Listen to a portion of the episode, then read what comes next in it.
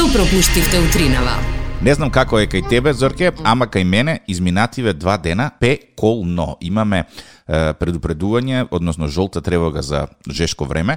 Мислам дека овие два дена во октомври беа потопли од најубавите летни денови во јули и август и морам да ти се пофалам и јавно да се пофалам дека се капев. Оу, и не се замрзна. Не.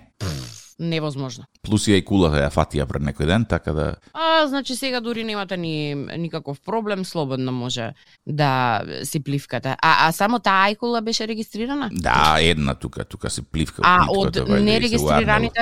Е, од нерегистрираните не знам, ќе видиме што времето ќе ќе каже. Ама морам да ти кажам дека е многу убаво во, во октомври да уживаш летни температури, значи Ма, верувам дека така. зборовите не може да се опише тоа со со зборови. И кога споредувам со скопските температури, е, тука е некаде, тие утринските малку се разликуваат, ама дневните небо и небо и земја. Убаво е, не Право се да ти кажам, да, загледував и разгледував во смисла како да се нели конструираме со обликата за следниот период, во смисла дали да се менуваат летните парчиња, да се складираат или не и право да ти кажам ми го расипа планот.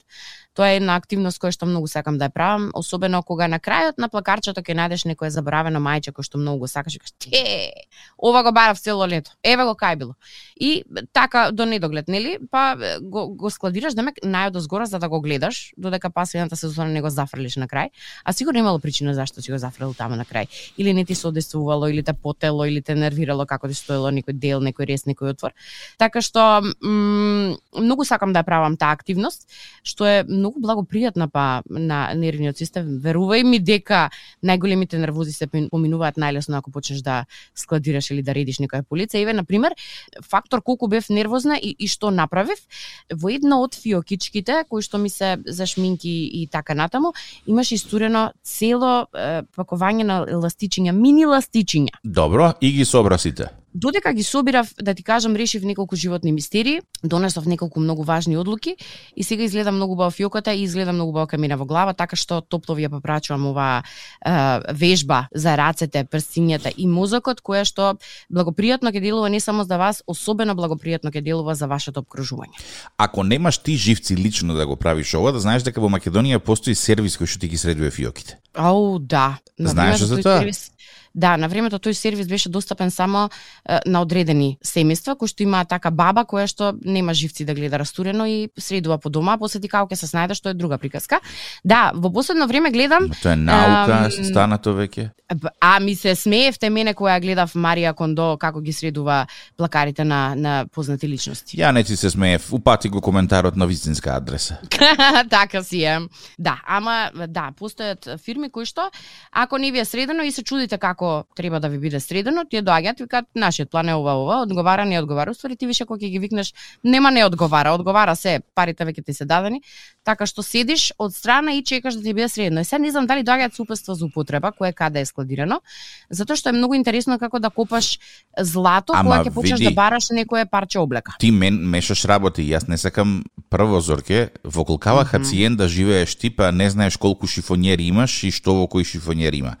Значи не е тука О, верувај ми дека во најмалите хациенти, тоест не хациенти, оние најмалите станови, најтешко е да се организираш. па Току ти е вака, кога имаш, како во филмовите Леле, многу сакам соба плакар. Е. Па тука вака, штракаш на светлото, па кај што имаш контур и таму се пали светло. Леле, леле, леле, леле, леле, драма. Ја, и таму кај што треба да свети светло, не свети кај мене на одредени делови. А замисли па кај кондурите ти свети светло. Мислам, дај. Е сега така да имам толкава соба и да се жалам, стварно мислам не може да се жалам, што тоа е едно плакарче само за мајчки летни, едно плакарче само за патики, едно плакар така е у филмовите, нели? Е, па не знам, ја имам од тие големите. Ја имам еден од тие големите, така да тоа ми е за се. И... Тој како соба што ти беше? Да. Многу ми беше страв на времето да не се затворам од натрашна страна и да не може кој да ме отвори и никој да не ме слушне. Не, не е толку страшен. А реално најпрактична работа е, значи, соба плакар ти е царска работа. Внатре ти е се, Верувам. нема потреба да преместуваш летни, зимски, па летните ги ставаш позади, зимските ги влечеш напред.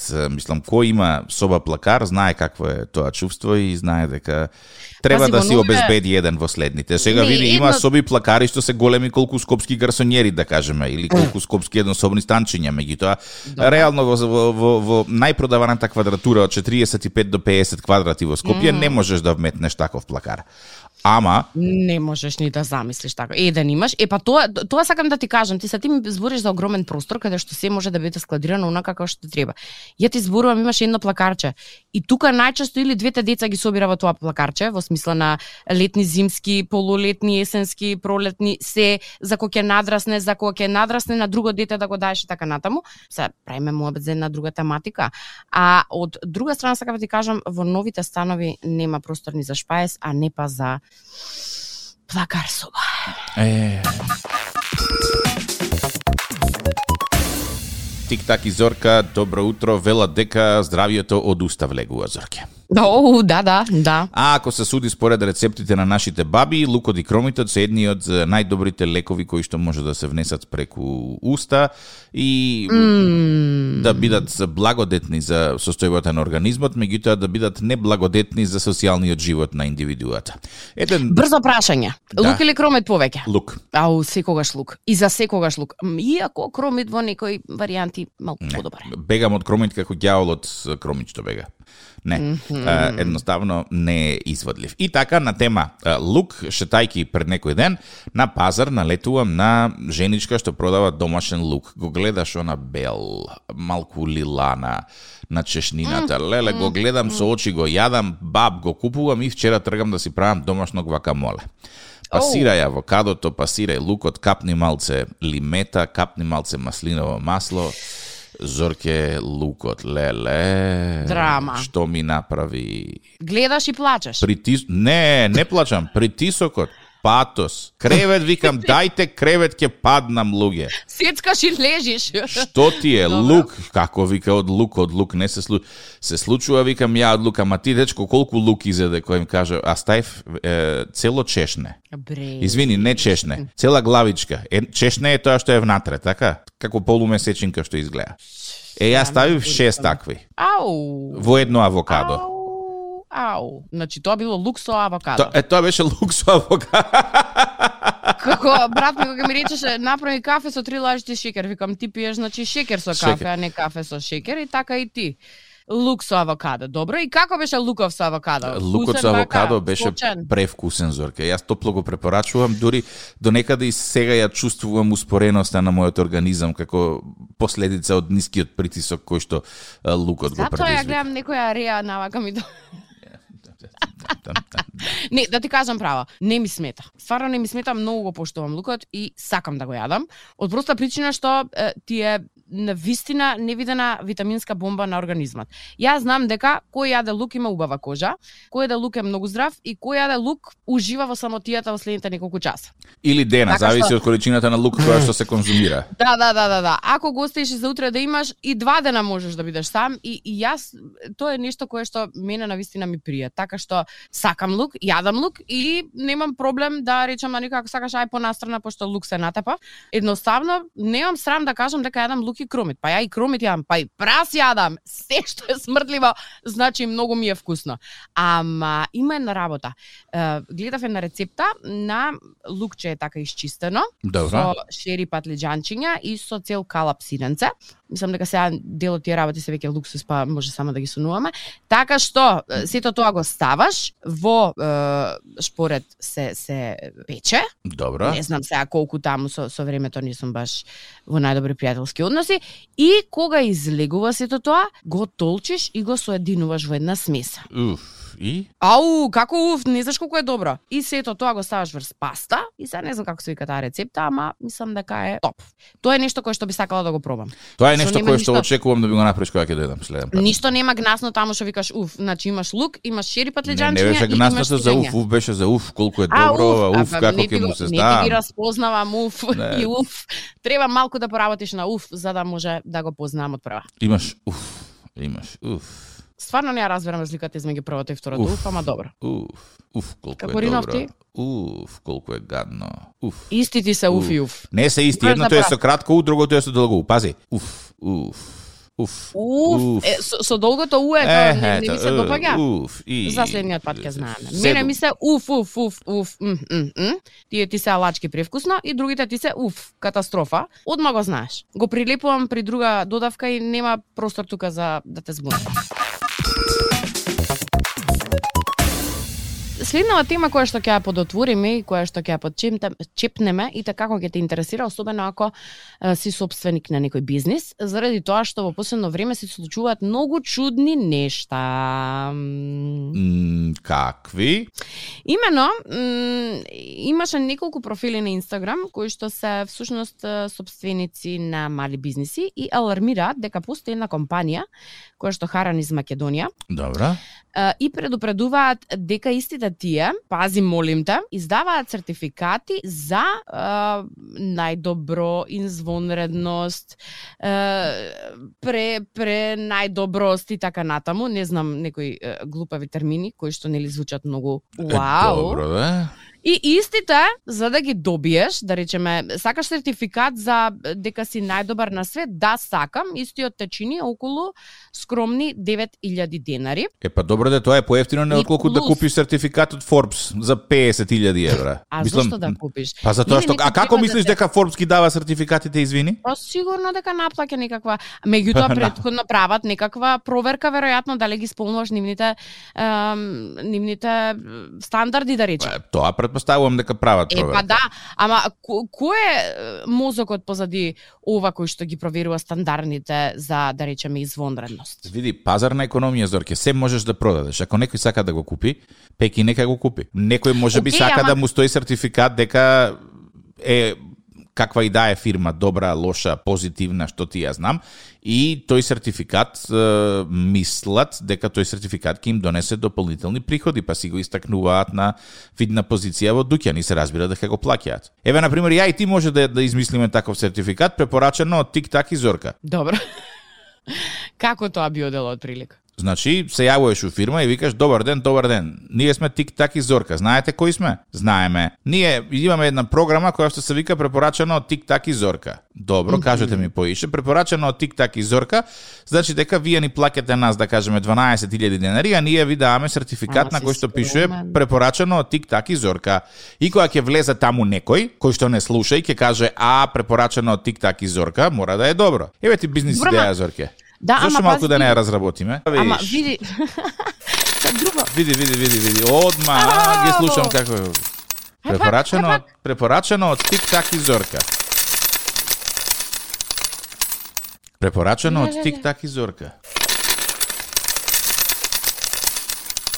Батали Чекај, радио, фати да се јавуваш од по фирми. Паѓаат, чекај, ајде, ајде, ајде, гаси, гаси, гаси. Батали ти, фати телефонот и јавуј се по фирми после. Како и кој сака да плати, да. Бојрум нека плати. Добро утро. Ајде, вртиме, ајде.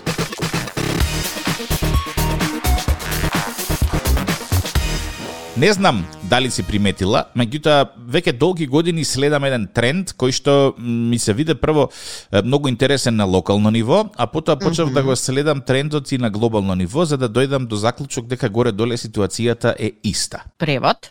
За Знаеш ли дека- станува збор? Секоја пицерија, било каде во светот, која што не е ланец пицерии, од типот на Pizza Hut, Papa John's или слично, има пица која што го носи името на пицеријата и во неа се става буквално се што може да се најде во дуќанот. А, да, ама тоа не е само за пицерии и за ресторани, имаш таква салата, да речеме, така и така како што се вика. Да, генерално во сите менија на ресторани и на пицери постои еден специјалитет кој што го носи името на Ресторанот. ресторанот, локалот, да. Значи, баш денеска ми се јаде пица со кулен, шунка, пршут, сирење, плаво сирење, модро сирење, пиперка, јајце, виш, лананас и рукола од узгоре.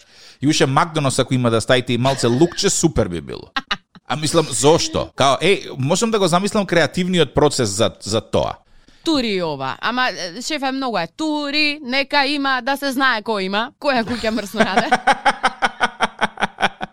И друга работа која што ми остана, е, Добро. мистерија. Зошто влашката торта во сите сладкари е најбогатата торта? Поземи од ваму, поземи од таму. Него друго сакам да прашам, дали тоа што е најбогато да речеме со мируди внатре, значи по дефолт дека и најдобро? Апсолутно Зашто не. мене тој бучкорос не, не баш не. ми се допаѓа како изгледа. Мислам, ја разбирам да е нешто посебна некоја, па да има, не знам, некакво си сирење плюс додаток специјално и така натаму, ама дека треба се да напикаш како турли тава и тоа да кажеш дека еве повели тоа е нашиот специјалитет.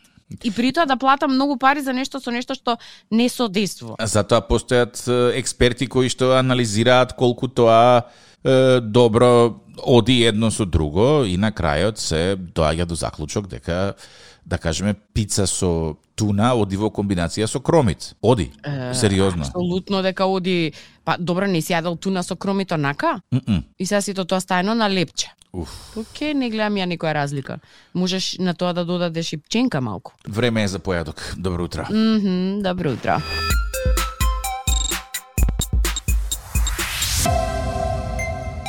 Тоа е многу интересно некоја инфлуенсерка да речеме, зборува нели зборува сиротата таа и заборава дека има филтер ставен и се почешува за носот и филтерот се трга на 3 секунди. и кога ја тргне раката филтерот се враќа. Добро, и? И многу е јако дека ти као наводно нели ја вака изгледам природно без филтри, ама кога се почешаш за носот, оп оп оп, филтер, а филтерот го, снемува исчезнува, да. И она ја гледаш реалноста во очи Ја гледаш и велиш и после па се враќа, после две секунди кога ја тргне раката од, од лице, бидејќи нели шок ти е. Оу, јас сум еве, вистинската ја се тргаш раката од, од лице и се враќа филтрот, твојата кожа изгледа безпрекорно, твоите усни изгледаат напумпано, очите ти се така екзотични и така натаму. И т- тоа ми е многу јако право да ти кажам. Инаку, не знам дали знаеш, на тема на филтри, излезе нов е, филтер на TikTok, кој што е не, не, за жал немам време да ги следам филтрите кои што излегуваат на социјалните мрежи. Е, не сум пропушташ. Многу пропушташ. сигурен сум дека многу пропуштам, јас сум задоволен со со изгледот кој што го имам. Нема потреба од дополнителни филтри. Има излезено неколку Добро. нереално реалистични филтри, каде што ти така не изгледаш. Ја ќе ти пратам сега пред некој ден се забавував, немам што да правам. Значи, не изгледаш и најако е дека си го чешаш окото и ти филтрот не се трга. Тоа е тоа. Изгледаш Леле. многу реал. Е, сега ми е прашањето, да речеме, да речеме, еве, замислуваш дека си во светот на дейтингот едно друго и некој ти рече, ај, прати ми видео да Е, како тука изгледаш. лежи проблемот. ти се, нели, ти со тој филтер, вау, мјао, едно друго, и треба да се видите. О, о. И што се случува? Е, па не знам. Знаеш, она оди, оди, Како ќе се нашминкаш. се дейташ и доаѓа момент, а да си размениме слики без филтри, може? Тоа ќе биде новото, прати ми голишави сликички, а? Прати ми слики необработени. може? М-м, да, да, да. Мислам дека кај одредени персони е многу а, страшно, не дај Боже да им ископаш таква фотографија без филтри. Страшно е. Ама што е тука? Не знам, знаеш па ја што Реалноста викам? преовладува. Не, ама знаеш што свикам и кога се сликам и кога ставам фотографии едно и друго. Дечки, таа сум, онака, не можам да избегам од тоа. Таа сум. Таков ми е носот, таква ми е устата, очите ми се тие. Мислам, тоа е, што ќе се лажеме, сега ќе се лажеме. Да, може јас ќе излезам нереално добро на некоја фотографија кај што ќе се поднашминкам и фино ќе изгледам. Ама тоа е тоа од вистината не се бега. Имаш една таква песна. Не се што лета се јаде и не се што гледате на социјални мрежи треба да се користи и да се употреби дома. Што сега? Во центар пренесува една информација за најновиот тренд на TikTok. Господе Боже, што се нема да им текне. Станува збор за хаштаг mouth taping тренд, кој што всушност значи да си ја залепиш устата со Mouth трака. taping. Да, и така да легнеш да спиеш, до сега собрал на 25 милиони прегледи, ама она што е загрижувачко е дека лекарите сметаат дека оваа техника има премногу несакани ефекти за да реално се осмелите да ја пробате и да е, легнете така да спиете. Мислам, едно ми, ми паѓа прво на памет. Лепиш уста и легнуваш да спиеш. И добро, немало веќе несакани ефекти како хрчење и, и изборување во сон. А ако Меѓутоа, не можеш да момент- дишеш преку нос? Е, носот ти се затне во текот на ноќта. Шо правиме? Е, што правиме? Ќе... Па бале, тоа вечна ја памја. Ама И- ај, молим те, сериозно. Ама сериозно треба малку да бидеме многу рационални кога земаме нешто да користиме. Мислам, ова се такви тешки глупости што апсолутно не ми е јасно на кого му текна и кои се овие другиве 25.000 милиони таму колку беа што онака навиваат за за тренди. Види, е, само да ти кажам, е, мара мала споредба пред стотина години кога лоботомијата беше измислена, истата беше рекламирана како нај безболно и најбрзо решение за депресија, анксиозност и агресивно однесување. Вау! Нешто не ти чини чукни во главата. И процесот на лоботомија се рекламираше како многу ефикасен и трае само 10 минути, а резултатите се долготрајни. Е, од денешна перспектива, запрашај се дали би пробала лоботомија, да кажеме. Немам коментар на мојавето. Така да не е се да да веруваш на на лекарите и некои работи очигледно да се, се појасниме да бидеме на чисто. Ова ова е еден тренд кој што од ното на срцето ви сугерирам да не го пробате, да не го правите, заради тоа што не дај Боже може да има крајно а, несакани последици по здравјето и животот на индивидуата. Не, не повратни, веќе е тоа готово, ако евентуално не дај Боже нешто не оди по планот вечерта са бајлето, е, не сакам ни да размислувам во која насока ќе оди, така што а, родители добро пребарувајте што е на што вашите деца гледаат, проверувајте навечер, не најсериозно како родител на родител ви се обраќам, проверувајте затоа што децава на свој 10-12 години веќе се во допир со социјални мрежи и со TikTok трендови, така што проверувајте во Срч горе што се гледало и разговарајте, многу разговарајте со вашите деца што е она што треба да се примени како тренд, не треба да се примени, треба да се верува и така натаму, да не не дај Боже на крај читаме некои неубави вести, а за вас повозрасните мислам дека сите треба да се ставиме прст во чело, на чело всушност, не во чело. прст на чело и да бидеме многу реални дека одредени работи, мислам, апсолутно нема потреба ни да се размислуваат, не па да се пробаат. Ова го, го зборуваме заради тоа што на вистина има голем ризик да заврши не баш најфино и токму затоа ова е една од робиките не правите го ова дома. На Радио 2, секој работен ден од 7.30. Будење со Тик-так и Зорка. Во случај на неконтролирано смеење и симптоми на позитивно расположение, консултирайте се со вашиот лекар или фармацевт.